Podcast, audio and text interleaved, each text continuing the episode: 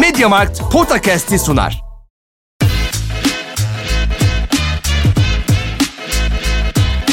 Potakast. Kaan Kural ve Orkun Çolakoğlu'yla NBA gündemine haftalık bir bakış.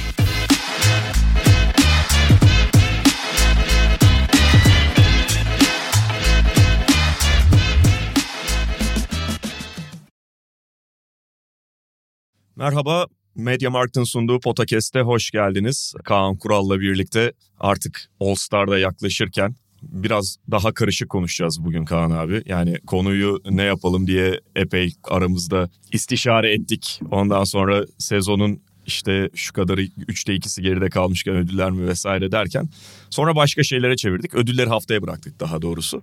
Takas gündemi de tabii bir taraftan kaynamaya başladı ama onu biraz daha somutlaşınca ödülleri konuşmayı haftaya bırakmayacağız çünkü haftaya takas de- deadline olduğu için bir sonrakine. e, cuma yapacağız haftaya da onu da söyleyelim. Aha. Takasları bir konuşmamız lazım. Ee, takasları da somutlaşınca konuşmayı daha yani çok fazla dedikodu var ama bütün o dedikoduları konuşmanın sonuçta alemi yok. Şimdi karne dönemi Bitti. geride kaldı. Bitti ne güzel. Oh. Ama bizde anons bitmez biliyorsun. Mediamarkt'ta anons bitmez. Yine seni ilgilendiren bir anons olduğunu düşünüyorum bak şimdi.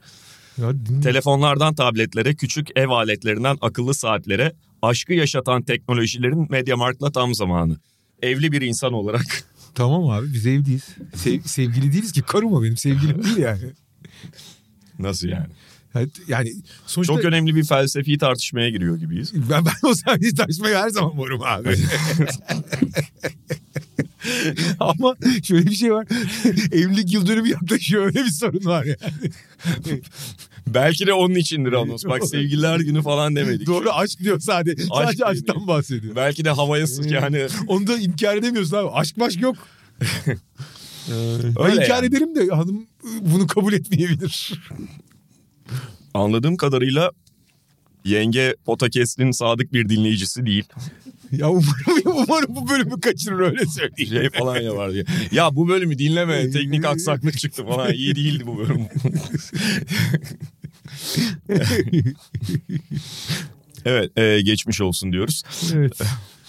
Neyle başlayalım nasıl istersin? Şimdi Ya şey biraz Doğu Konferansı'nda belli bir grubu konuşacağız. Onunla mı şöyle batıdaki yarışın ne kadar karıştığından hani geçtiğimiz haftalarda da bahsettik ki orada hani biraz işte özellikle Memphis son dönemde çok kötü gidiyor. Son 7 maçın altısını kaybettiler falan ama yani Memphis'le Denver biraz ayrıldı gibi ama gerisi gerçekten çok saçma sapan karıştı. Şimdi New Orleans ta tepeden nerelere düştü.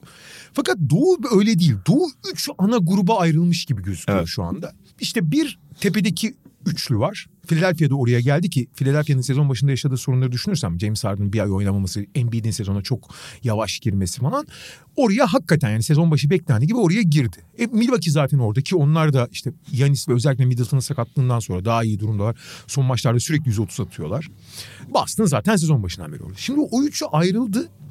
Onlara yakın duran Brooklyn vardı. Durant'in sakatlığı nedeniyle onlar aşağı geldiler ama yani oradalar mı değiller mi? Bir de alttakiler var. Yani New York ve işte New York, Atlanta, işte Washington son dönemde arka arkaya 7 maç kazandı. Onlar geliyor falan. Onlar biraz altta gibi. Fakat bir arada 3 takım var. Yani ilk 3 ilk 3 sonra playoff'a gidecek. Yani play'in önünde kalacak 3 takım var ve bunların her biri tepedekilere ne kadar tehdit olabilir? Yani e, zirvedeki üçlü gerçekten çok net favori midir? Yoksa bu alttaki üçlü ne kadar karakter değiştirdi? Orta ya bundan sonraki dönemde ne kadar tehdit olabilir bunlara bakacağız. Çünkü bu üçü de birbirinden çok farklı takımlar. E- Brooklyn, Cleveland ve Miami. Birbirinden gerçekten çok farklı. Ve o tartışma içinde hep yani sezon başından beri belli ölçeklerde ye- yer aldılar. Sadece bu sıralamadan ötürü değil. Yani bu biraz denk geldi ama işte Brooklyn zaten hani belli tartışmalar e, onlarla ilgili yapılmış olabilir. Belli krizlere girmiş olabilirler ama oradaki aday takımlardan biriydi. E, Cleveland Cavaliers'ın güçlendiği ortadaydı. Onları bir yere oturtmaya çalışıyordu. Keza Miami Heat de zaten her zaman oraya tehditlerden biri. Geçen sezonki ondan önceki sezonki performansları ortada. E son 3 sezondur yani bu çekirdekten oluşan takım bir NBA finali oynadı.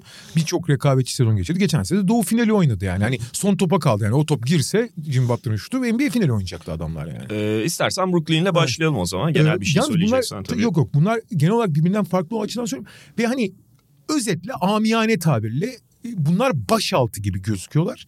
Hani bunlar ne kadar gerçekçi başaltı yoksa baştaki takımlarla rekabet edebilen biraz bundan da bahsedip hani takımların genel durumundan bahsedelim istedik. Tabii.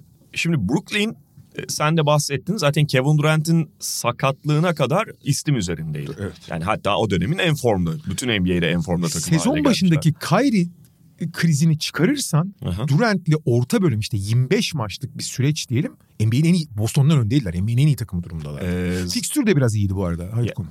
Yani hatta şunu da konuştuk. Kevin Durant MVP tartışmasında sadece ismi geçen bir oyuncu değil. Yani ikiye falan indirecek sen listeyi oraya atman gereken oyuncu Aynen. diye de konuştuk. Geçen gün All-Star seçimlerimizde de. Ve kendi içlerinde bir şeyi yakalamışlardı. Yani rotasyonlarını nihayet belirlediler. İşte Kevin Durant'i seviyor. Kyrie Irving ondan beklenen çizgiye çıkmayı başardı. Joe Harris'in yavaş yavaş ritim bulduğunu gördük. Royce O'Neal zaten sezon başından beri kendi standartlarında istikrarlı bir sezon geçiriyor. Nick Claxton acayip bir seviyeye çıktı. Yani bütün parçalar Brooklyn'in kadrosu içerisindeki o ana rotasyona dahil olacak Ben Simmons'ı biraz ayırırsak bütün parçalar öngörülen rollere oturdu. Öngörülen performansları göstermeye başladı. Hatta biraz onun ötesine çıkanlar da var. Yani bunlar daha detay oyuncular olabilir ama Yuta Watanabe gibi rotasyon oyuncuları kendilerinden beklenenin de ötesine çıktılar. Ciddi bir şutör olarak çünkü rotasyona dahil oldu. İşte Ben Simmons orada çok öngörülemeyen ve performansı daha dalgalı ama en azından ondan da bir şey almaya başlamışlardı. Kevin Durant'in sakatlığına kadar. Şimdi burada bu sezon Brooklyn adına iyi senaryo ne diye bakarsan sonuçta hani çok özel iki tane yetenekte oyuncu olduğu için Durant ve Kyrie Irving ve yani şimdi Durant ve Kyrie Irving NBA'nin en önemli 20 oyuncusundan ikisi diyebilirsin. Hatta Durant'i ilk belki de 5'te sayarsın. Önemli değil o. Fakat bunların belli özellikleri var. Yani mesela Embiid, Jokic, Yanis vesaire gibi üst düzey oyunculardan biraz farklı bir durumları var. Durant ve Kyrie biraz mesela Kawhi da onlara dahil. Yani o birkaç oyuncu grubu var. Bunlar takımın yarattığı organizasyondan çok beslenmeye ihtiyaç duymayan veya çok akıcı oynamasa da takım üretebilen oyuncular. Sorun çözücüler çoğu zaman. Şimdi normalde sorun çözücü belki de en kritik rol. Çünkü yani iki te- iki tane üst düzey takım zaten bir şeyler üretiyorlar. Bunun üzerine ne katma değer katabilirsin? Ve ancak bazı özel oyuncular bunu katabiliyor. Bazı yıldız oyuncular bunu o kadar katamayabiliyorlar. Yani fark yaratan performanslar. Şimdi fakat tabii Brooklyn'de şöyle bir durum var. Sürekli onların yaratmasına da kalırsan bu yani sürümden kazanamayıp sürekli sanat yapmaya çalışırsan o da bir yere varamazsın. Fakat Brooklyn o dengeyi bulabilmişti. Çünkü burada da bence Durant'in rolü çok büyük. Çünkü Durant yani olağanüstü bir skorer olmasına rağmen eğer kafayı taksaydı ben hep söylüyorum tarihin en büyük skorer. Michael Jordan'dan daha büyük bir skorer olabilirdi. Bir ihtimal. Ama hiçbir zaman onlara takmadı ama oyunun içinde kaldığı için de takımın normal akışında, normal akıcılığında pozisyonların getirdiği, kendi yarattıkları fırsatlardan diğer oyuncuların beslendiği bir ekosistem yaratmayı başarmışlardı. Büyük oranda Durant'in bu köprü vazifesi görmesi sayesinde. Oyun ne zaman sıkışsa da zaten Kyrie'ye veriyorsun, Durant'e veriyorsun. Durant kaldırıp birinin üstüne atıyor. Kyrie üç kişinin arasından geçip atıyor. Artı bu takımın en büyük sorunlarından biri. Bugün mesela NBA'deki diğer 29 takımın çok kolay kolay yapamayacağı bir şey. Çok ciddi spacing sorunları var takımların. Yani bir kere Ben Simmons'la Nick Claxton'ı istihdam etmeye kalktığın anda yani ciddi şey sorunları olacak. Yani alan paylaşımı. Çünkü bu oyuncuların şutun riski yok. Fakat şöyle bir durum var. Bir, Kyrie ve Durant alan paylaşımına yani geniş alana en az ihtiyaç duyan yıldızlar belki de. Çünkü dar alanda bile çok şey yapıyor. Çünkü Durant kaldırıp atıyor. Kyrie her yerden geçiyor yani. Artı diğer oyuncular yani Simmons ve Claxton belki çok büyük bir ikilem yaratıyor. Çok büyük bir e, barındırma zorluğu yaratıyor. Ama diğer oyuncular her ne kadar sezon başından beri sakatlıklarla boğuşuyor ritim bulamamış olsalar da Seth Curry, Joe Harris başta olmak üzere. Bu sezon senin bahsettiğin Yuta Watanabe'nin çıktığı nokta. Patty Mills başta İşte Joe Harris'ler falan. Joe şey e, Royce O'Neal, Joe Harris, Seth Curry'yi başta söyledim ben. Royce O'Neal. Bunların hepsi TJ Warren son dönemde. Bunlar hepsi Evet, çok iyi evet. şutörler bir de. Yani bir de diğer oyuncular ortalama üstü şutör. Bu da acayip bir dinamik yaratıyor. Şimdi bu e, Kyrie Irving sezon başı problemlerden problemleri gerisinde bıraktığı zaman ve işte sezon sonu kontratı bittiği için tamamen basketbola konsantre olmuş bir Kyrie Irving olduğu zaman bu verimi alabiliyorsun. Durant de o bağlantıyı kuruyor. Kyrie pek kurmuyor ama Durant o bağlantıyı da kuruyor. Yani bir köprü vazifesi de görüyor. Bu gümbür gümbür geliyorlardı. Yalnız burada iki tane önemli nokta var bu gümbür gümbür gelirken. Birincisi Ben Simmons bir buçuk senedir basketbol oynamayan Ben Simmons o dönemde fiziksel olarak da iyi gözüküyor. Ve takımın ihtiyacı olan ikincil savunmacı işte sürekli switch her şeyi switch ediyor bu arada. Yani her savunmada adam değişiyor. Ve herkesin önünde kalarak fiziksel gücünü çok gösteriyor ve eksileri çok fazla göze batmazken artı değer katabileceği noktalarda değer katıyordu. Fakat o şeyi çok koruyamadı Simmons. Şimdi Durant sakatlandığı için herkes dikkat onu çekiyor. Ben Simmons çok kötü durumdaydı. O da sakat şu anda ama ondan önce de çok kötü durumdaydı. Yani fiziksel olarak çok düşmüştü oyundan. Zaten artık attığı yerler çok az. Eksileri çok daha fazla. Ve o eksiler iyiden iyiye göze batmaya başladı. Ya Ben Simmons abi zaten biliyorsun kariyerinin başından beri dünyanın en inatçı şeritlerinden biridir. Ama abi iyice kontrolden çıktı. Ya pota dibinden falan potaya bakmıyor. Yani şöyle bir süreç var. 25 maçta 9 serbest atış kullanmış 0 isabet. Ha bir kere yani 0 isabet 9'da 0 atmasını geçtim. 25'te maçta 9 tane serbest atış atılır mı abi? Hani bu kadar mı artık sen potaya bakmayan bir oyuncu oldun? Ya NBA'de oynuyoruz abi şeyde değil yani sokakta oynamıyoruz. Artık hani kullanamayacağın hale geldi. Olsun. Hani Ben Simmons'a çok muhtaç değilsin. Onun oynadığı rolü kaybettin ama kaybet. Burada abi Nick Claxton bence bu sezon bu takımın bir yere çıktıysa en önemli hani sürpriz mi dersin, ihtiyaç olan faktör mü dersin? Çünkü evet ince bir oyuncu Claxton. Evet bazı sakarlıkları var. O da bir mesela serbest atış kullanamıyor fazla. Hı hı. Ama olağanüstü bir çember savunucuya dönüştü. Çünkü 2023 basketbolunda artık boyalı alanı doldurmaktan çok boyalı alanda devriye gezebilmek önemli. Kısalardan perde sırasında switch edip kısaların önünde kalabilmek önemli. Bu konularda Nick Claxton gerçekten çok elit bir seviyeye çıkmış durumda. Ligin şu anda blok kralı zaten ama evet. blok kralı olması için her kısanın önünde kalabiliyor. Her şeyi switch edebiliyorsun. Simmons iyi durumdayken ve Durant sahadayken muazzam da bir kombinasyon sahipleriydi. Çünkü Durant biliyorsun çok disiplinlidir zaten. Çok da uzun. Abi Simmons, Claxton, Durant sayesinde gerçekten iyi bir savunma takımına da dönüşmüşler. Evet. Ve yani o bahsettiğimiz şutörlerin bazıları zayıf savunmacılar sonuçta hedeflenen oyuncular ama bu kadar şey yapabilen her oyuncuyla eşleşebilen 3 tane uzun oyuncun olduğunda sen diğerlerini de kapatma ihtimalini çok yukarıya çekiyorsun. Nets ona sahip şu anda. Simmons, Durant, Clarkson 3'ü de 2-10 abi. Evet. 2-10 ve üstünde yani bu çok önemli. Tabii 2-10 üstünde esnek yani şey ayak çabukluğu var ve sen bu sayede işte Kyrie Irving gibi belli eşleşmelerde Joe Harris gibi.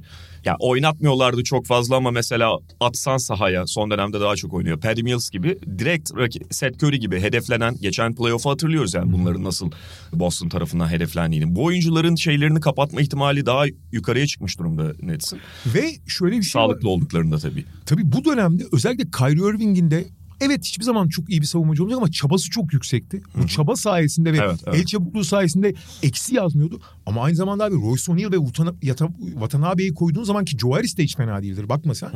O zaman da abi dışarıda da bir savunma zaafı yaşamadığın zaman cidden elit savunma takımı konumuna geliyorsun zaten. Evet. Yani e, Nets'in şimdi Nets kadrosuna tav olmak ve bazen böyle onlarla ilgili beklentiyi yükseltmek zor değil bazen tuzağa düştüğünüzü de hissedebilirsiniz. Ben hani başta söyledin ya bu üç takımdan hangileri ne kadar yukarıya ciddi tehdit diye biraz da konuşacağız diye. Gerçekten yukarısı kadar ihtimali olabilecek bir takım olduğu inancını tekrar vermeye başladı. Başta da bu savunma çok yönlü, savunma esnekliği sayesinde.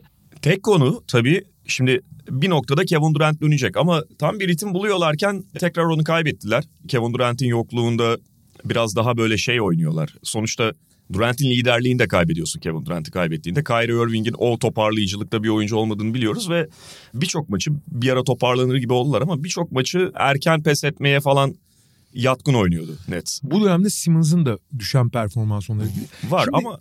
E, ama bu takımın bu bahsettiğimiz olumlu senaryoda herkesi yenme ihtimali var. İki Hı-hı. tane yalnız kritik noktalar. Birincisi abi şimdi normal sezonda zaman zaman bir iki maçta gördük ama çoğu zaman yani hemen hemen hiç yapmıyorlar. Abi kritik yerlerde özellikle Ben Simmons'a ki Nick Claxton'a da yapabilirler ama özellikle Ben Simmons'a taktik foul şeyleri başlayacak. Hı hı. Abi Ben Simmons hiç, hiç atamıyor yani. O kadar korkuyor ki elleri titriyor adamın yani. Ha yüzde dokuzda sıfır falan da onda bir falan atıyor yani.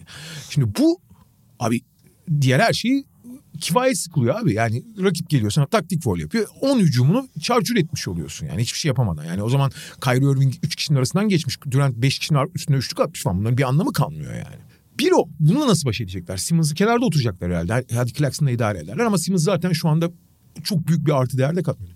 Fakat ikinci nokta ki önemli olan bence o. Yani bu takım belli şeylerle şimdi Boston ya yukarıdakileri tehdit ediyor der.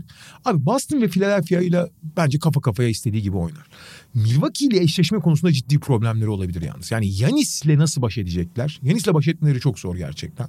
Hani pek çok takım için zor. Bu takım için biraz daha zor. Çünkü bu takımın savunmacıları pek Yanis'le uğraşabilecek. Yanis'le en azından Yanis'e ilk dur diyebilecek oyuncuları yok. Öyle bir çok ciddi bir problemleri var. Ha iki sene önce oynamışlar ve hani kolu kanadı kırık halde az da da ama o, o Yanis bu Yanis değil. O Milwaukee bu Milwaukee değil. Yani eşleşme bence onlar için çok önemli olur. Milwaukee'den sıyrılırlarsa Boston'a da ki, ki tam tersi örnekte geçen sene Boston'a karşı perişan olmuşlardı ama hı hı. o Boston'la bu Boston da biraz farklı. Ben Milwaukee ile oynamalarının onlara çok büyük dezavantaj olacağını düşünüyorum. Ama onun dışında yukarıdaki her takım için çok ciddi tehlike yaratıyor. Ha Brooklyn'in esas rakibi büyük oranda kendisi. Yani kendi ne standartta olacak.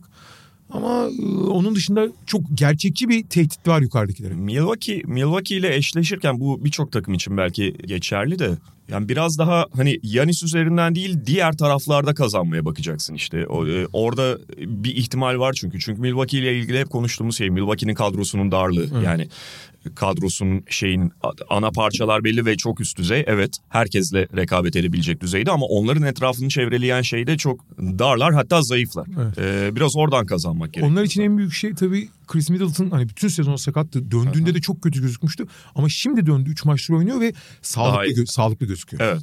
Ve Simmons konusunda da en son şeyi söyleyeceğim. Yani artık belki şeyi kabul etmek gerekiyor Nets açısından. Ya da kendi içlerinde etmişlerdir de hani bunu bir inada çevirmemek. Ya Harden Simmons takasında kaybetti Nets.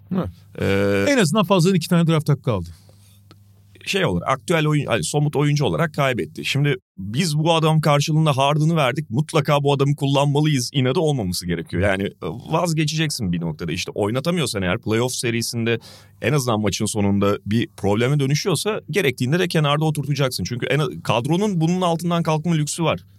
Ve Jack bu o konularda biraz daha cesur ve abi şey Ben Simmons'ın artık ben rehabilite olacağına inanmıyorum yani. Yani kafaca gitmiş abi. Yani zaten hep inatçı bir oyuncuydu ama kafaca çok çok gitmiş yani. Çok ee, gitmiş. Geriye gitti evet. Yani eskiden abi yani tamam bitiriciliği işte serbest atışları hep sorunlu ama potaya bir baskı kuruyordu. Hı hı. Şimdi sıfır baskı kurduğu için dörde beş hücum ediyorsun abi ve yani sahada olmasa yani savunmada beklese daha iyi olabilir. En azından yer kaplayıp rahatsız etmez yani. Ya sadece açık sahada onu yapabiliyor. Evet, açık, açık sahada çok iyi. O, o ayrı ama yani sadece açık saha üzerinden de bir oyuncunun kullanışını hesaba katamazsın ya da çok fazla katamazsın. Abi açık saha dediğin şey yani en iyimser ihtimalle 6-7 hücumda biri yani. Hadi çok force et ve şey No. Toronto bile de o kadar yapmıyor. Cleveland Cavaliers'a geçelim. Geçelim. Ee, onlar da tabii yani sakatlıkların da bunda payı var. Biraz istikrarsız diyebileceğimiz bir sezon geçiriyorlar. Gerçi NBA'de kaç takım için istikrarlı diyebilirsin bu sezon o da var. Sezon başı... Bak, pardon yeri gelmişken söyleyeyim. İstikrarlı diyebileceğin takımlar diyorsun. Abiciğim bak mesela Boston değil mi? Sezona çok iyi girdi çok da iyi gidiyor. Abi Boston'un iki tane periyodu var bir batı turu işte. Aha. Beş maçın dördünü kaybetti. Kazandığı tek maç sonunda foulleri kaçırdığı için Lakers. Hı hı. Abi dün işte muazzam bir Brooklyn maçı oynadılar. Yani inanılmaz bir maç oynadılar. Fakat ondan önce dört maçın üçünü kaybettiler. Kazandıkları tek maçta maçın sonunda foul çalınmayan Lakers. Evet. İki kere, iki yani, kere Lakers kurtardı onları. Yani dörtte dört e, evet, şey e, kaybetmiş olabilirler aynen, aynen. bu maç öncesinde. Herhalde istikrar dendiğime en istikrarlıya yakın takım o sezon başındaki işte Cemal Murray ve Michael Porter Jr.'ın entegrasyonu sürecinden sonra Denver olabilir. Yani ilk 10 maçı saymazsan Denver en hani 3 aşağı 5 yukarı dengeli ve istikrarlı diyebileceğin tek takım olabilir. Evet. Buna Boston dahil bu arada. Detroit istikrarlı.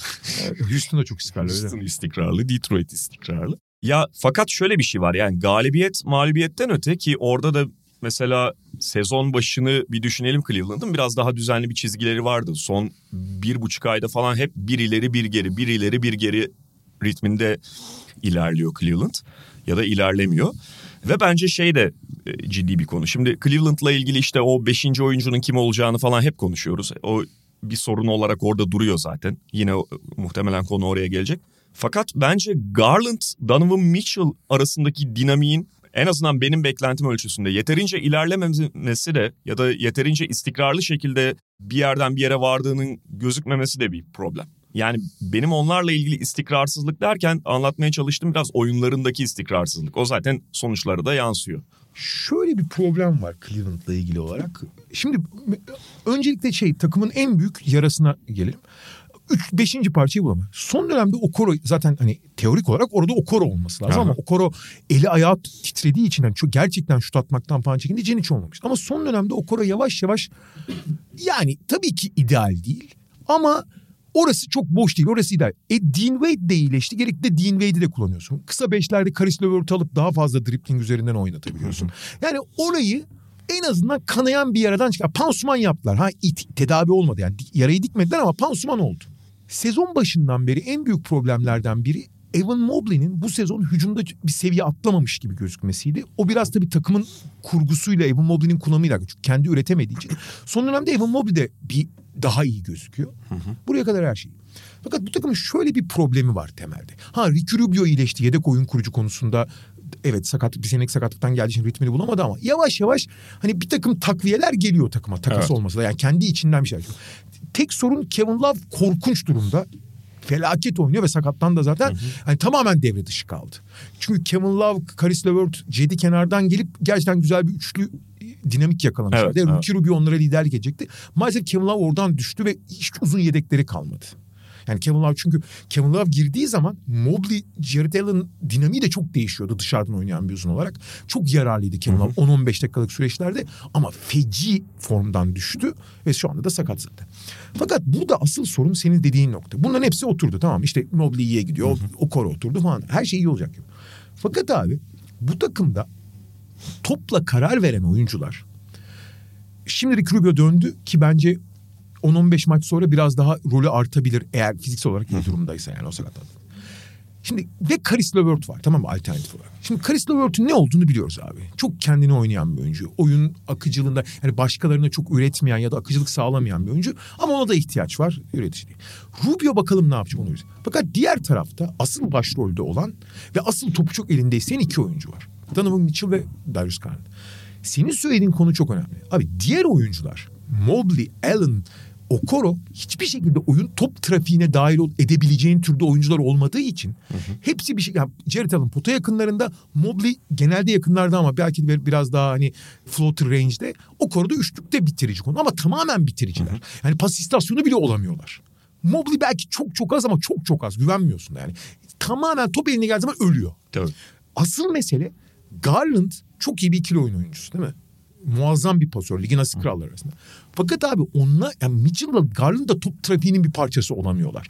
Onlar da birer son istasyon gibiler. Yani takım son istasyonlardan kurulu. Bu yüzden de şimdi sen diyorsun ya Mitchell Garland ikilisi bir uyum sağlayamadı. Ya abicim uyum olacak bir şey yok ki. Çünkü topun olmadığı zaman yani Garland işte pick and roll oynamadı ya da kendi oynamadığı zaman Mitchell'ın ne yapacağı belli değil. Ya da Mitchell'a daha bir, bir rol biçilmemiş. Teza tersi de geçerli.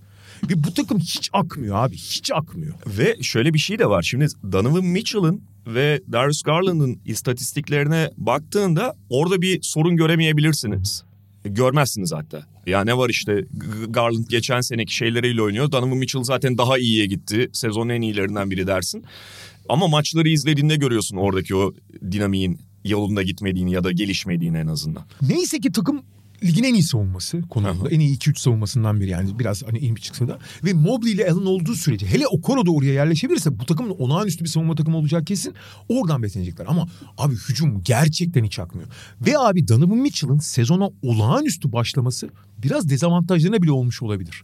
Çünkü yani sonuçta gidip gelip gene Donovan Mitchell'ın eline bakacaksın ve Garland'ın eline bakacaksın. Evet ama abi bu biraz evvel Brooklyn'de bahsettiğim konu var ya bu oyuncular hani sana çok şey öğretir ama bir akıcılıktan da bir şey bes. Abi gerçekten takımın hücumu hiç ama hiç akmıyor abi. Hiç akmıyor yani. Şeyden değil oyunun doğal gidişatından hiç beslenemiyorlar neredeyse. Bir şekilde gidip abi Garland bir şey yap abi Mitchell bir şey yapabiliyor. Yapıyorlar. Hele Mitchell çok çok iyi yapıyor bu sene. Garland da son dönemde performansını çıkardı. İşte dediğim gibi Mobley devreye girdi falan. Ama abi şey gibi bir aksiyon var bir şey üretiyorlar. Genelde kendilerini üretiyorlar. Garland biraz daha takım arkadaşlarını and roll. Ama o kadar abi. Hani bir trafik, bir yer değiştirme, bir yön değiştirme, bir ikinci opsiyon. Hak getir abi. Yani bu takımın hücumu kesinlikle geçen seneden daha iyi. Geçen sene çünkü basitçe şey diye anlatabileceğimiz bir Cleveland vardı. İyi savunma takımı, vasatın altı hücum takımı zaten playoff'ta da o yani daha doğrusu play-in şeyinde o sınırlarını görmüştük. Abi geçen seneki hücum çok kabaca söylüyorum. Garland'a veriyorsun, Garland karar veriyor. Evet. Bu kadardı. Abi bu sene tek şey farkı var. Garland'a veya Mitchell'a veriyorsun onlar karar veriyor. Başka bir şey yok yani. Atıyorlar. Atıyorlar ya da ikili oynuyorlar. Ya da işte ne bileyim benim Ivers'ın asist dediğim bir asist var. Yani aslında üretmiyorsun. İşte birebir oynuyorsun, savunmacıyı geçiyorsun. Yardım gelince boştaki adama veriyorsun, o boş atıyor. Şimdi bu da asist, bu da değerli bir şey demiyorum. Ama bu bir sistemi çalıştıran bir şey değil. O gene senin yeteneklerin sayesinde yarattığın bir sayı. Sistem yani takım sistem halinde bir şey üretmiş olmuyor. Şimdi dediğimiz gibi hücumları evet geçen seneye göre daha iyi. Problem şu. Playoff'ta bu takımın hücumu yine duvara çarpabilir mi herhangi bir eşle? Çok mümkün. Çok mümkün. Yani bu herhangi bir turda olur. Biri de bir rakibe karşı olmaz başka bir rakibe karşı olur ama çok mümkün. Ve senin söylediğin gibi evet ligin en iyi savunması istatistiğe göre. İstatistiği bir kenara bırakalım. Zaten malzemeyle en iyi savunmalarından biri. Fakat yani bugün NBA basketbolunda sadece savunmanlar, sadece rakibin hücumunu aşağı çekerek bir eşleşme kazanman ciddi bir rakibe karşı kolay değil. Yani işte yukarıyı tehdit etme üzerinden konuşuyoruz bütün bu takımları.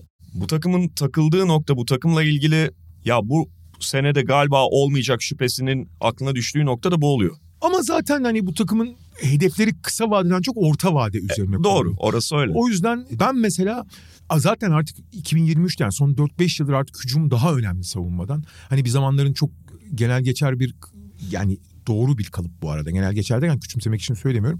İşte hücum maç kazandırır, savunma şampiyonluk derlerdi. Artık o geçerli değil. Hatta tersine yani. Hani savunma maç kazandırır, hücum şampiyonluk durumuna neredeyse gelmiş durumdayız. Artık basketbol öyle oynanıyor çünkü. O yüzden ben özellikle iyi hazırlanmış bir savunmanın yani iyi, Cleveland'da iyi hazırlanmış bir takımın tabii ki bu Dean Wade, Ricky Rubio entegrasyonu Kevin Love'ın tekrar formunu bulmasıyla biraz şekil değiştirebilir.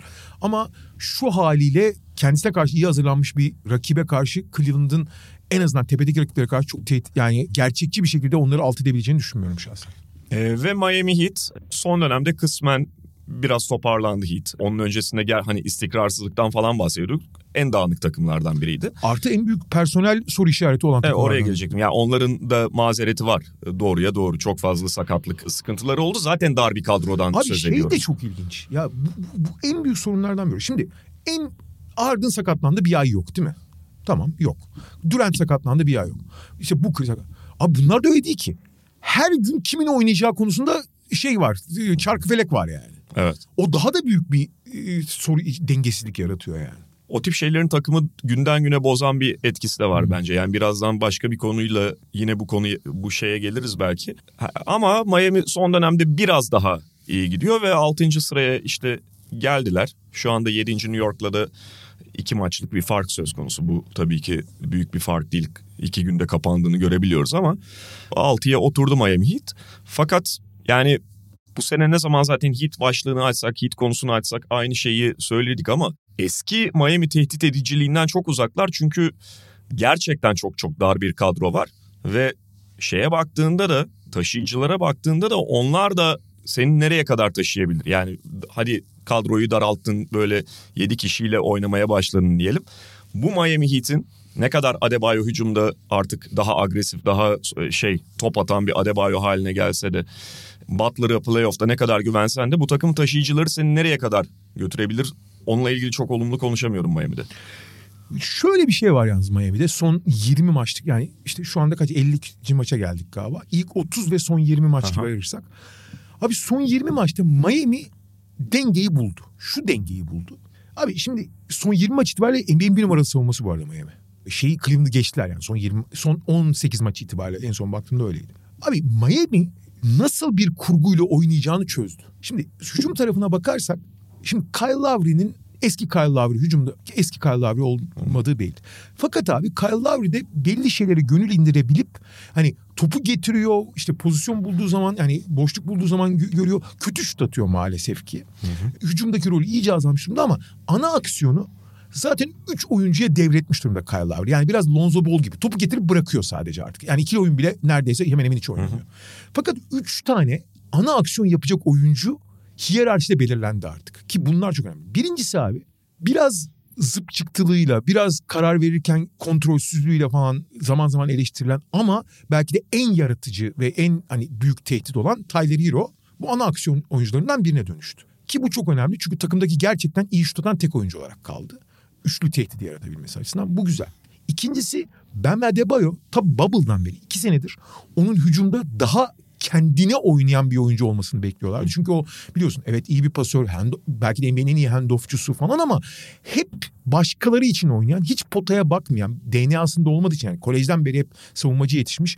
Hani potaya atmaktan imtina eden bir oyuncu. Bu özellikle son bölümde çok daha potaya bakan, 30 sayıları kovalayan, 30 sayı atmaları kovalayan bir oyuncu. Jimmy Butler'da en önemlisi bu abi. Jimmy Butler gerektiğinde çok büyük lokomotif olabiliyor. Onu defalarca gördük yani. Hani hücum. Fakat Jimmy Butler biraz işlerin eksik olan taraflarını yaptı. Tamamlayıcı olduğu zaman daha da aktif. Hı. Oyun tıkandı mı? Abi o zaman Kyrie Irving de olur. Ama oyun devam ediyorsa yani her şey gidiyorsa beşinci parça olup sahada olduğunu bile anlamayabilirsin. Bu hiyerarşi bütün işte sezon içi özellikle Jimmy Butler'ın iki maç var bir maç yok. Üç maç var bir maç yok temposu. Tyler Hero'nun aradığı sezon içindeki sakatlıkları falan dedikten sonra. Zaten Kyle Lowry dışında belki de takımın en formsuz ve en düşüşteki oyuncusu herkes sakatlandı. Bir de Kyle Lowry sağlıklı yani. Neyse ama bunlar bu hiyerarşi oturmuş durumda. Hücumda bence bu hiyerarşi oturdu. Oraya da dört numara olarak çünkü takım özellikle işin savunma tarafında çok fizikli kalmak ve sürekli switch etmek, topa baskı yapmak istediği için Caleb Martin ekler. Caleb Martin de evet belki biraz sınırlı ama o görevi gayet iyi yapıyor. Gerekli şut atıyor. Takımın en büyük sorunu takım felaket şut atıyor. Korkunç şut atıyorlar. Bir kere Cimbat'ta şutör değil. Daha doğrusu şutör de üçlükçü değil. Bam Adebayo'nun üçlük şey yok. Menzil yok. Kyle felaket atıyor. Teorik olarak şutör diye takımda barınılan Duncan Robinson tamamen şut atmayı unutmuş durumda. Max Struz 3 maçta bir çok iyi atıyor. Diğer iki maçta çember kırıyor. Gabe Vincent çok kötü başlamış. Son dönemde biraz daha attı ama zaten onu tam olarak yani şutör yani yüksek volümlü bir şutör olarak kullanıyorsun. Abi bu takımın hücumu aslında oturdu. Yani roller belli, paylaşım belli, efektif bir şekilde organize olabiliyorlar. Şutu da buluyorlar. Herkes sahada olduğu sürece. Evet kadro daralmış olabilir ama o dar kadro fakat şut sokamıyorlar abi. Ya hücum oturdu da hücumun limitleri var abi. Yani şey e, limitleri çok sınırlı. Hazırlıyorlar bitiremiyorlar abi. Bitmiyor. Yani üçlük özellikle üç sayı çizgisinin gerisinden böyle attığın bir zaman sezon başı Lakers'ın sorunları gibi abi. Böyle atarsın her şeyi doğru yap bir yere kadar güdük kalırsın abi. Bir de hazır, hazırlıyorlar bitiremiyorlar dedin ya Hı. çok fazla hazırlayıcılığı öne çıkan adam var işte. Aynen. Yani bu yıldızları da sen de bahsettin yani Butler biraz daha tamamlayıcı işte Adebayo ne kadar karakteri oyun karakteri değişiyor olsa da hala aslında daha çok biraz hazırlayıcı üzeri e, diye tarif edebileceğim bir oyuncu. E, ya da dengeli sürekli bir bitirici değil. Tamam Tyler Hero onu üstleniyor ama sadece Tyler Hero ile yapabileceğim bir şey değil. Bitiricilik noktasında gerçekten çok sınırlılar. Yani bu takımın bir Brooklyn gibi işte Watanabe'ler, Joe Harris'ler gibi bir destek kadrosu olsaydı ki teorik olarak, olarak onlar Max Struz, Duncan Robinson'ın bunları olacağını varsayıyordu. Her şey çok ideal olabilirdi. Yani gene elit olmazlardı ama iyi bir hücum takımı konumunda olabilir. Abi kötü hücum takımları o yüzden. 24. sıradalar hala hücum verimliliğinde. Evet. Yani Detroit'lerin şeylerin arasında duruyorlar yani. Fakat abi bunu oturtmaları çok önemli. Çünkü abi sonuçta personeli değiştiremiyorsun. Yani bu adam şutu sokamıyorsa sokamıyor abi yapacak bir şey yok. Fakat en idealine geldin mi geldin. Hazırlar yani. Eğer Şuturus bir belki bir takas yaparlarsa bir hamle. Mesela Boyan Bogdanovic alabilirlerse bu takas döneminde. Veya işte şutörler biraz daha istikrar kazanırsa. Max Şuturus biraz daha istikrar kazanırsa. Kyle Lowry belli olmaz. Belki biraz daha eli tutarsa falan. En azından olabilecek en iyi hücum durumuna geldiler. Bitiremiyorsa da bitiremiyor. Yapacak bir şey yok. Yani sınır da belli. Fakat esas savunma da ligin en iyisi savunma. Bence şu anda modern NBA savunmasının en iyi örneğini gösteriyorlar. Şimdi Cleveland daha üst düzey bir savunma genel olarak. Belli dönemlerde Milwaukee'de öyle. Bunlar iki uzunla ortalığı birbirine katan, biri devreye geçti. Mobley ve Yanis'in devreye gezdiği ve ortalığı kan gölüne çeviren, yani potayı göstermeyen savunmalar evet. Fakat Miami daha modern ve daha tehlikeli bir savunma. Şu açıdan bir kere şimdi en iyi savunma switch eden savunmadır. Çünkü herkesin önünde kalsın. Fakat sadece switch eden bir savunma değil Miami. Beş kişi switch edebiliyorlar. Yani o yüzden Kyle Lowry'nin varlığı önemli. Kyle Lowry çok kötü bir sezon geçiriyor. Zaten eski çok erozyon orada. Ama abi herkes e, her şeyi switch edersin. Pivotu bile tutar Kyle Lowry. Öyle domuz gibidir. Tyler Hero hariç yani ana plandaki herkes Caleb Martin'i ben, Ben Adebayo zaten tüm NBA'de kısaların en önemli üstünde kalan uzun gibi. Yani evet. uzun sayılmaz. Kısaları da daha iyi savunan kısa bulamazsın. E Jim Butler öyle. Kyle Lowry oradaki rolü işte önemli. Erozyona uğramış olsa da. Caleb Martin de bunu kısmen yapabiliyor. Burada bir tek Tyler Hero'yu saklamaları gerekiyor.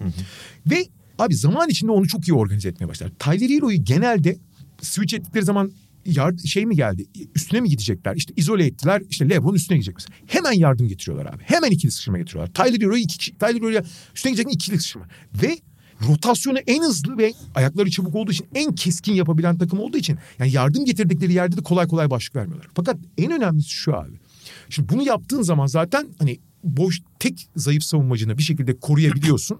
Bunu koruyabilecek koordinasyon, çabukluk falan filan da var. Oradaki boş yani zaafı mümkün olarak mümkün olduğu kadar def edebiliyorsun. Biraz küçük kalıyorlar. Evet onun bir dezavantajı. Fakat abi küçük kalmayı da şöyle çözmüşler. Ligin Toronto'dan sonra rakibi en fazla top, topa saldıran top kaybına zorlayan. Özellikle son dönemde. Bu çok önemli. Switch edip bir topa saldırdığın zaman bütün organizasyonu bozabiliyorsun. İlla top kaybına zorlamak zorunda değilsin. Top kaybı organizasyonu bozuyorsun. Bu da abi çok yıkıcı bir etki yaratabiliyor rakipte. Bu sayede ben Miami'yi hala çok tehlikeli görüyorum. Ama şut sokamadıktan sonra ne kadar tehlikeli olabilirsin. Ama eğer işi gidip gelip hücumda doğru hiyerarşiyi, doğru organizasyonu yaparsan, savunmada en tehlikeli savunmayı kurarsan Abi işin gitsin gitsin kalsın savunmaya kalsın. En azından belki bir Boyan Bogdanovic takası yaparsın. Başka bir şey yaparsın olabilir. Ama bu personelin olabilecek en verimli kullanılmış haline çok yaklaştı şu anda Miami. Problem işte o personelin çok sınırlı olması. Yani eldeki kaynağın çok sınırlı Ama olması. o kaynakta da sadece yani sadece demeyeyim tabii ki hani daha üst düzey takımlar var ona bir şey demiyorum. Ama şut dışında, 3 sayı dışında hemen hemen her şeyde yeterli seviyede yapıyorlar. Ama 3 sayı olmadı mı da olmuyor abi işte. Duncan Robinson'ın böyle düşeceğini hiç, hiç hayal edemediler herhalde ya. Ya zaten şey canım Duncan Robinson'a deli gibi kontrat verildi. Öyle işte.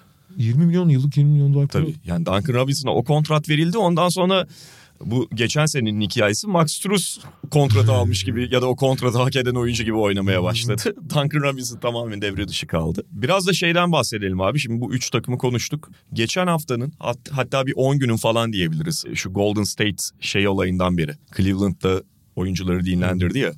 Esas New Orleans hikayesi. iki New Orleans maçında da çok şey yaptılar ya. Kimseyi oynatmadılar falan. Ama gerçekten bir mevzu olarak şeye çıkması Cleveland back to back'in ikinci ayağı olması lazım. Orada Steve Kerr şey dedi yani hani buraya bilet alıp bu maça gelecek insanlar için gelen insanlar için çok kötü hissediyorum ama durumda bu işte gibisinden. Aynısını New Orleans maçında da söylemişti. Evet. İki, bu arada denk geldi iki New Orleans maçı da aynı şekilde oldu. İkinci New Orleans maçında da söyledi. Sonra işte Lakers geçen gün Brooklyn maçında yani New York back to back'i yapıyorlardı ki mesela orada şu da enteresan. New York New York oynuyorlar. Aslında şehir değiştirmedikleri bir seyahat yapmadıkları için ikisinde de oynamaları mümkündü. Hatta şey komple teorileri ortaya atıldı işte Boston'daki hakem olayın üzerine geldiği için e, Lakers lig yönetimine parmak sallıyor diye. e, Bu arada şey de çok ilginç abi. Bazı şeylerin gündeme gelmesi diyorsun ya. Abi Boston maçında olan şeyin aynısı 15 gün kadar önce 5-6 maç önce Dallas maçında oldu. Hı hı. Christian Wood maçın sonunda maç beraber maçta kolunu hayvan gibi vurdu LeBron'u. Foul çalınmadı. Uzatmaya gitti kaybetti Lakers. O maç ama hani gene bir şey falan oldu. O kadar gündem oldu. Bu ulusal yayın olduğu için bir anda yer yerinden oynadı. Ulusal yayın e, Celtics Lakers. Hı. Bir de tabii şey de bence etki etti. Yani LeBron'un reaksiyonu hem LeBron'un reaksiyonu hem de vakit ilerledikçe, sezon ilerledikçe artık Lakers'ın hata payı haliyle azalıyor. Yani orada bir, bir tane galibiyetle şey arasında artık Lakers için herhangi bir NBA normal sezonu takımı kadar az hata, fark yok. Hata payı çok azaldı evet. Şimdi neyse biri daha yani birkaç takım daha bunu yaptı. Zaten artık Clipper, her takımı yaptı. Clippers. Clippers sürekli yapıyor. Ha Denver şey maçı abi Milwaukee maçı. Ha doğru. doğru. Ya, o da büyük olay oldu. Evet. Olması da gerekiyor. Yani ile Antetokounmpo'yu karşı karşıya getirmesi gereken bir maçta Denver kimseyi oynatmadı. Hı hı. Michael Malone da o da haklı bir tepki. Yani, yani fikstür yapılırken de buna dikkat edilmesi lazım. Back to back'in bir tarafında oynamamalı bu tip oyuncular birbirleriyle dedi. Bence haksız değil tekrar şeyler gündeme geldi yani işte bu iş nereye gidiyor? Load management bilmem ne 82 maçla devam edebilecek mi vesaire vesaire. Biraz da belki bunu konuşmak gerekiyor çünkü gerçekten son 2 haftanın son 10 günün ciddi bir gündem konusu NBA'de.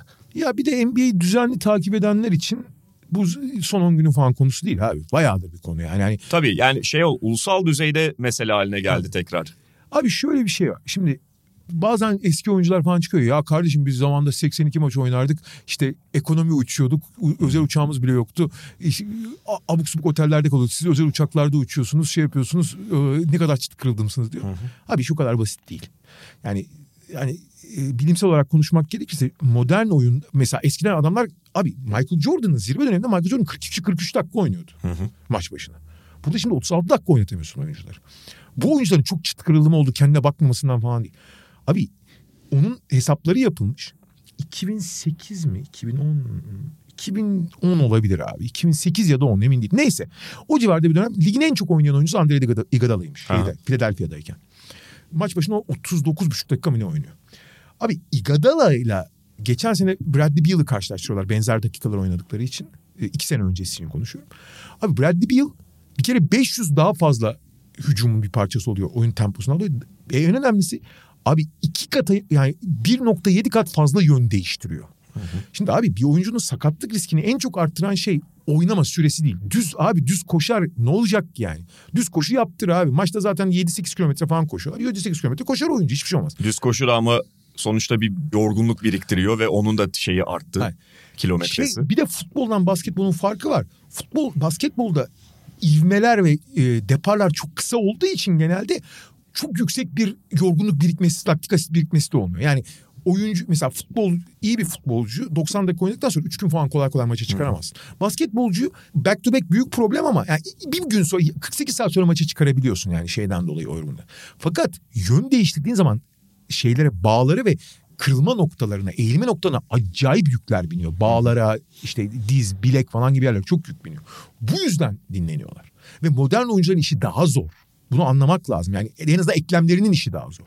Bu abi bunun tek bir tane gerçek çözümü var. Bu belli abi.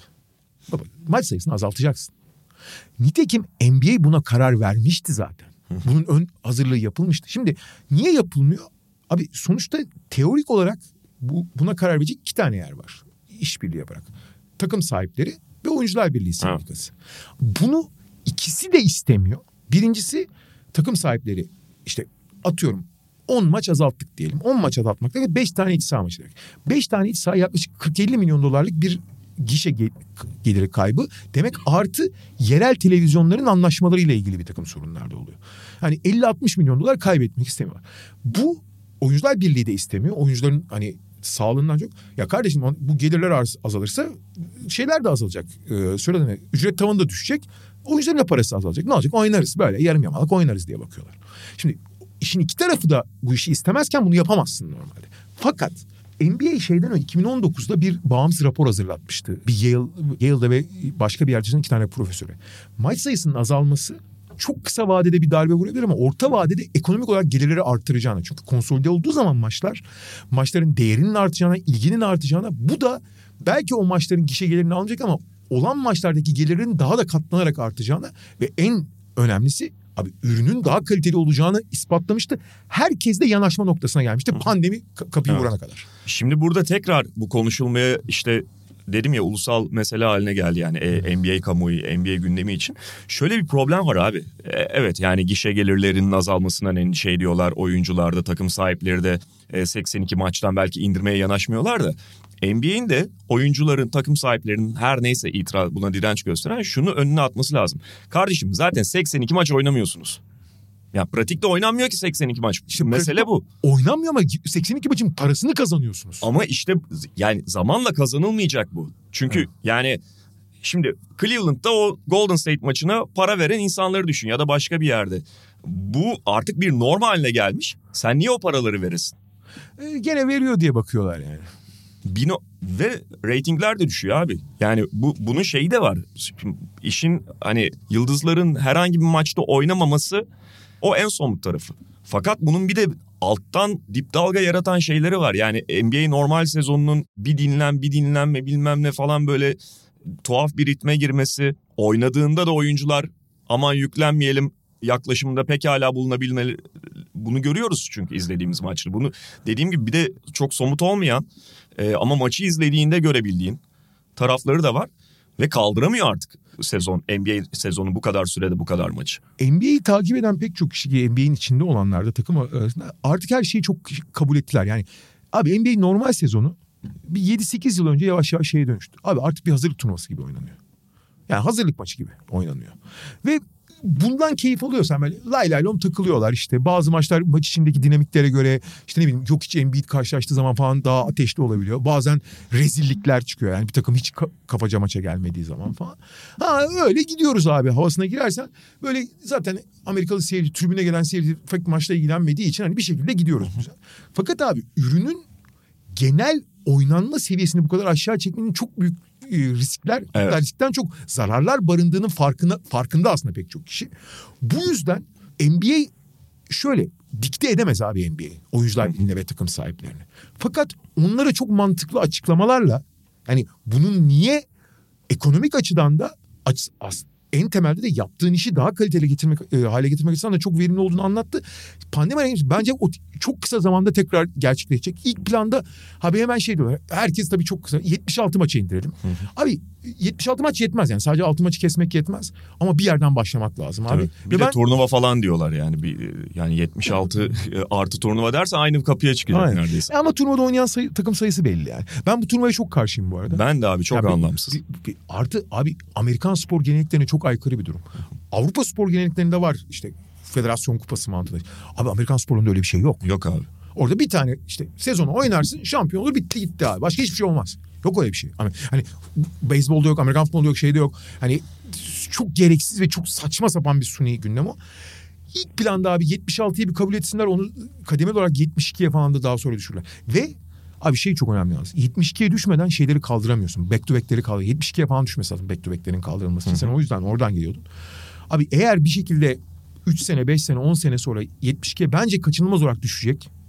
Ve o zaman çok daha sağlıklı bir yapıya ulaşacağız. Bu arada 72 de az değil ha. Hayvan gibi maç yani. Ee, bence ideali işte 32 takım maçları 62 olsun. Yani herkes birbiriyle iki kere oynasın. Belki el- 20-30 yıl sonra öyle de oluruz. Yani herkes birbiriyle ikişer kere oynasın bitsin. Fakat öyle olduğu zaman yani arka arkaya maç oynanmadığı zaman işler çok değişir abi. Aynen abi. Ve yani burada şey inadına falan da gerek yok işte 82 rekorlar vesaire. Onların çok bir önemi yok. Yani Yok. Bugün işte e, birkaç gün sonra LeBron Karim'i geçecek falan ama o bir tane çok özel bir şey. Sayı rekoru, sayı toplamı rekoru. Gözetilmesi gereken başlıca şey bu değil. Abi şöyle bence o da daha sağlıklı bir yere gelir. Ben abi yıllardır aynı şeyi söylüyorum. Ya Lebron kardeşim bu rekoru kralı yıl, aylar oldu. Niye playoff'u dahil etmiyorsunuz Evet abi, o da o da saçmalık Abi zaten. playoff en önemlisi değil mi? Playoff tarihinin en çok sayı atan oyuncusu kim? LeBron James ve ikinci Michael Jordan'dan bir, bir buçuk kat, bir buçuk kat değil de yüzde 35 daha fazla attı. Geçeli yıllar oldu LeBron James onu geçeli. LeBron James playoff tarihinin en çok sayı atan, en çok top çalan oyuncusu. Abi ya bu- bunlar daha önemli. İnşallah maç sayısı azalır da playoff'taki rakamlar biraz daha şey ağırlık kazanır. Tabii canım. T- Amerikan gelenekleri gereği her şey normal sezona bakılıyor. Bu arada normal sezon playoff toplamında LeBron bir- birinci Karim'i geçeli bir buçuk yıl mı ne oldu ya? Çoktan oldu o iş yani. Evet durum böyle NBA'ye açık çağrımızdır. Evet. Ama 5 yıl mı olur 10 yıl mı olur bilmiyorum. Yeni CBA'de belki biraz daha bu konuda bahseder. Hani NBA 72 ve altında sayıda maça indiği zaman o zaman normal sezon tabii ki bir playoff olmasını beklemiyorsun. Ama doğru düzgün bir lig maçı gibi maçlar olacak yani. Tabii ki yani bu zaten neden olmasın? Tabii tabii. Yani e, ortada bir yarışma var. Aynen. Ee, daha fazla hazırlık periyodu, daha fazla hazırlık zamanı olduğunda o yorgunluk bir bu kadar ciddi bir faktör olmaktan çıktığında göreceğiz ne kadar arttığını o seviyenin. Bir de e, NBA ile ilgili şöyle bir şey var. İnsanlar zaman zaman unutuyor. Bir kere daha altını çizelim. NBA'deki seyahatler Avrupa'dan çok daha büyük bir yük. Hı. Çünkü Amerika Birleşik Devletleri çok büyük bir ülke abi. Avrupa'nın iki katı büyüklüğünde bir ülke. Yani bir Portland'dan Miami'ye seyahat 7, 7 saat falan uçakla sürüyor. Yani kat ettikleri mesafelerin haddi hesabı yok. Yani back to back oynadığı zaman şöyle şeyler oluyor abi. İşte mesela Detroit'te maç yapıyorsun. İşte maç akşam 10, 10 gibi falan bitiyor. Duş alıyorsun, basın toplantısı, giyindin, soyundun, otobüse bindin. 12 gibi havaalanına Özel uçakla gidiyorlar ama 12'de havaalanına biniyorsun. İşte ne bileyim Milwaukee'ye geçiyorsun oradan. Abi sabah 4 gibi otele giriyorsun. Aynen sabah dörtte check-in yapıyorlar. O, hani direkt odana girip yattın diyelim. 5'te yattın. Yani. Ne yapıyorsun Ve abi? bununla ilgili çok fazla yazı falan zaten yayınlandı yani. O uyku problemi, uykuyu düzenli e, saatinde almamış olmak ya da belki hani e, yine 8 saat uyumuş olmuyor. 5 saatlik bir uykuyla ertesi gün yine maç yapacağı güne başlamış oluyor. Ve yani bunun o uyku azlığının sakatlık riskini dahi oynadığında arttırdığına yönelik çok fazla akademik çalışma var. Bulabilirsiniz. ESPN'de falan bununla ilgili bir sürü makale yayınlandı zaten. Peki kapatalım istersen. Okey abiciğim. Ee, Media Markt'ın sunduğu podcast'ten bu haftalık bu kadar diyoruz. Tekrar görüşmek üzere. Hoşçakalın. Hoşçakalın. Mediamarkt Podcast'i sundu.